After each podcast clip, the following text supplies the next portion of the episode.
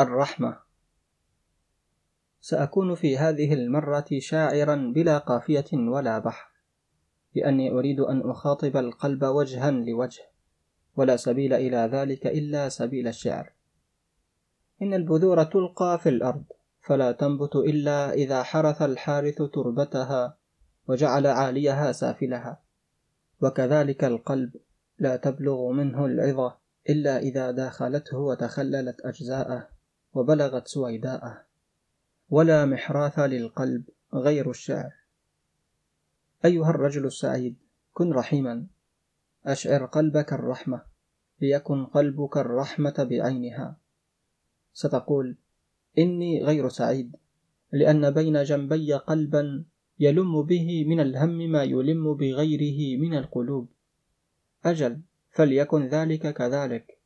ولكن أطعم الجائع واكس العاري وعز المحزون وفرج كربة المكروب.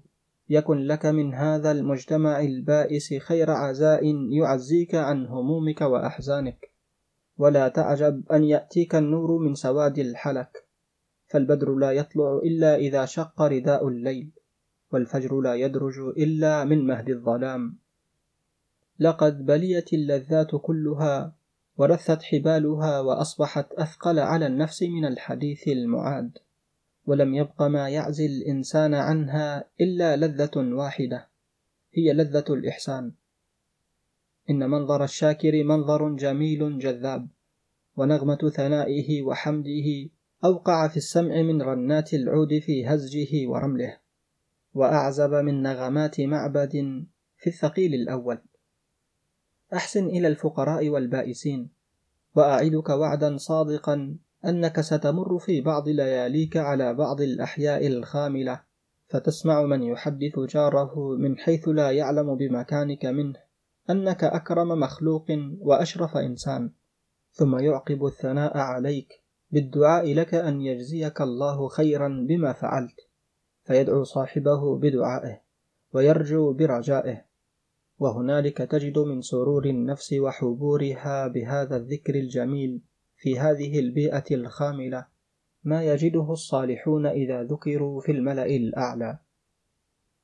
ليتك تبكي كلما وقع نظرك على محزون أو مفؤود فتبتسم سرورا ببكائك واغتباطا بدموعك لأن الدموع التي تنحدر على خديك في مثل هذا الموقف إنما هي سطور من نور تسجل لك في تلك الصحيفة البيضاء أنك إنسان.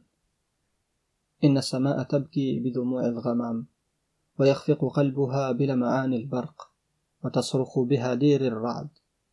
وإن الأرض تئن بحفيف الريح وتضج بأمواج البحر. وما بكاء السماء ولا أنين الأرض إلا رحمة بالإنسان. إن اليد التي تصون الدموع أفضل من اليد التي تريق الدماء. والتي تشرح الصدور أشرف من التي تبقر البطون. فالمحسن أفضل من القائد وأشرف من المجاهد. وكم بين من يحيي الميت ومن يميت الحي. إن الرحمة كلمة صغيرة ولكن بين لفظها ومعناها من الفرق مثل ما بين الشمس في منظرها والشمس في حقيقتها. إذا وجد الحكيم بين جوانح الإنسان ضالته من القلب الرحيم وجد المجتمع ضالته من السعادة والهناء. لو تراحم الناس لما كان بينهم جائع ولا عار ولا مغبون ولا مهضوم. ولا أقفرت الجفون من المدامع واطمأنت الجنوب في المضاجع. ولمحت الرحمة الشقاء من المجتمع كما يمحو لسان الصبح مداد الظلام. لم يخلق الله الإنسان ليقتر عليه رزقه.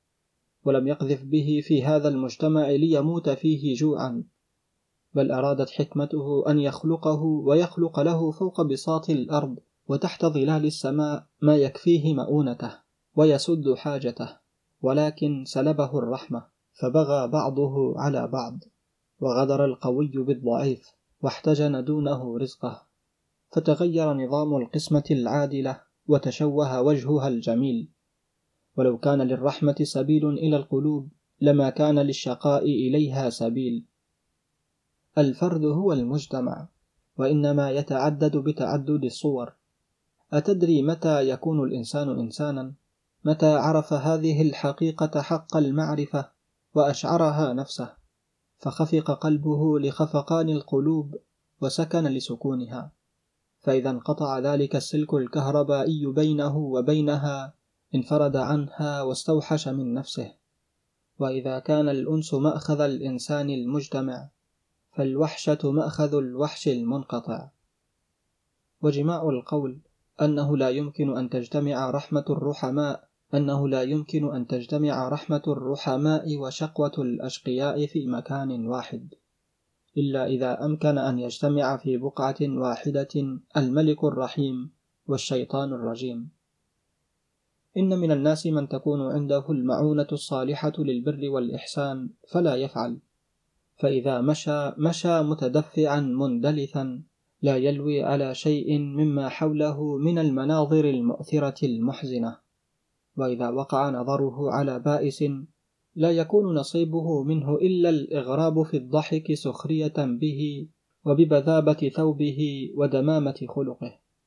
وإن من الناس من إذا عاشر الناس عاشرهم ليعرف كيف يحتلب درتهم ويمتص دماءهم ولا يعاملهم إلا كما يعامل شويهاته وبقراته. لا يقربها ولا يطعمها ولا يسقيها إلا لما يتقرب من الربح في الاتجار بألبانها وأصوافها. ولو استطاع أن يهدم بيتا ليربح حجرا لفعل.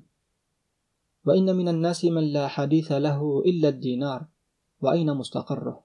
وكيف الطريق إليه؟ وما السبيل إلى حبسه؟ والوقوف في وجهه والحيطة لفراره. يبيت ليله حزينا كئيبا لأن خزانته ينقصها درهم كان يتخيله في يقظته. أو يرى في منامه أنه سيأتيه فلم يقيض له. وإن من الناس من يؤذي الناس. لا يجلب بذلك لنفسه منفعة أو يدفع عنها مضرة. بل لأنه شرير يدفعه طبعه إلى ما لا يعرف وجهه أو ليضري نفسه بالأذى مخافة أن ينساه عند الحاجة إليه. حتى لو لم يبق في العالم شخص غيره لكانت نفسه مذب عقاربه وغرض سهامه. وإن من الناس من إذا كشف لك عن أنيابه رأيت الدم الأحمر يترقرق فيها أو عن أظافره رأيت تحتها مخالب حادة. لا تسترها إلا الصورة البشرية. أو عن قلبه رأيت حجرا صلدا من أحجار الغرانيت لا يبض بقطرة من الرحمة ولا تخلص إليه نسمة من العظة. فيا أيها الإنسان احذر الحذر كله من أن تكون واحدا من هؤلاء. فإنهم سباع مفترسة وذئاب طارية. بل أعظك ألا تدنو من أحدهم أو تعترض طريقه. فربما بدا له أن يأكلك فأكلك غير حافل بك ولا آسف عليك. أيها الإنسان ارحم الأرملة التي مات عنها زوجها ولم يترك لها غير صبية صغار ودموع غزار. ارحمها قبل أن ينال اليأس منها ويعبث الهم بقلبها فتفضل الموت على الحياة. ارحم المرأة الساقطة لا تزين لها خلالها ولا تشتري منها عرضها. علها تعجز عن أن تجد مساوما يساومها فيه فتعود به إلى كسر بيتها. ارحم الزوجة أم ولدك وقعيدة بيتك ومرآة نفسك وخادمة فراشك لأنها ضعيفة ولأن الله قد وكل أمرها إليك. وما كان لك أن تكذب ثقته بك واعتماده عليك. ارحم ولدك وأحسن القيام على جسمه ونفسه فإنك إلا تفعل قتلته أو أشقيته فكنت أظلم الظالمين. ارحم الجاهل.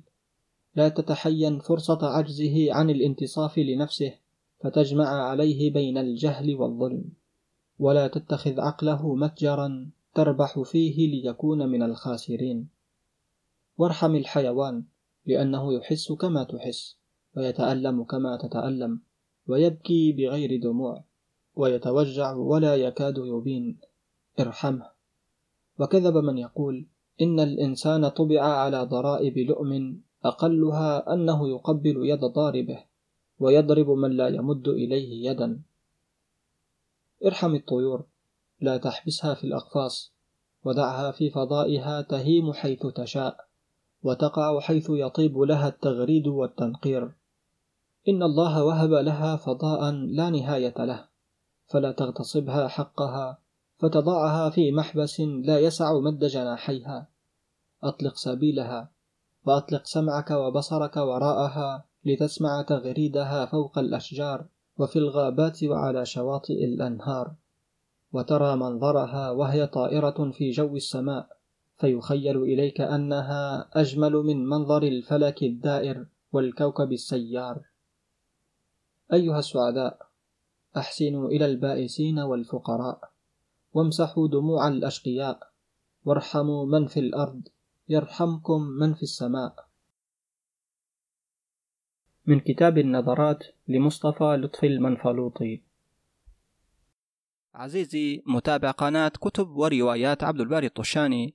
الآن يمكنك دعمنا للاستمرار في تقديم المزيد ولتحسين جودة المحتوى سواء على بيبال أو يمكنك الاشتراك معنا على منصة باتريون التي نشارك فيها معك محتوى حصريا. كما لا تنسى متابعتنا على منصات التواصل الاجتماعي. وللاستماع للكتب مباشرة تابع البودكاست الخاص بنا. ستجد كل الروابط بالوصف بالأسفل.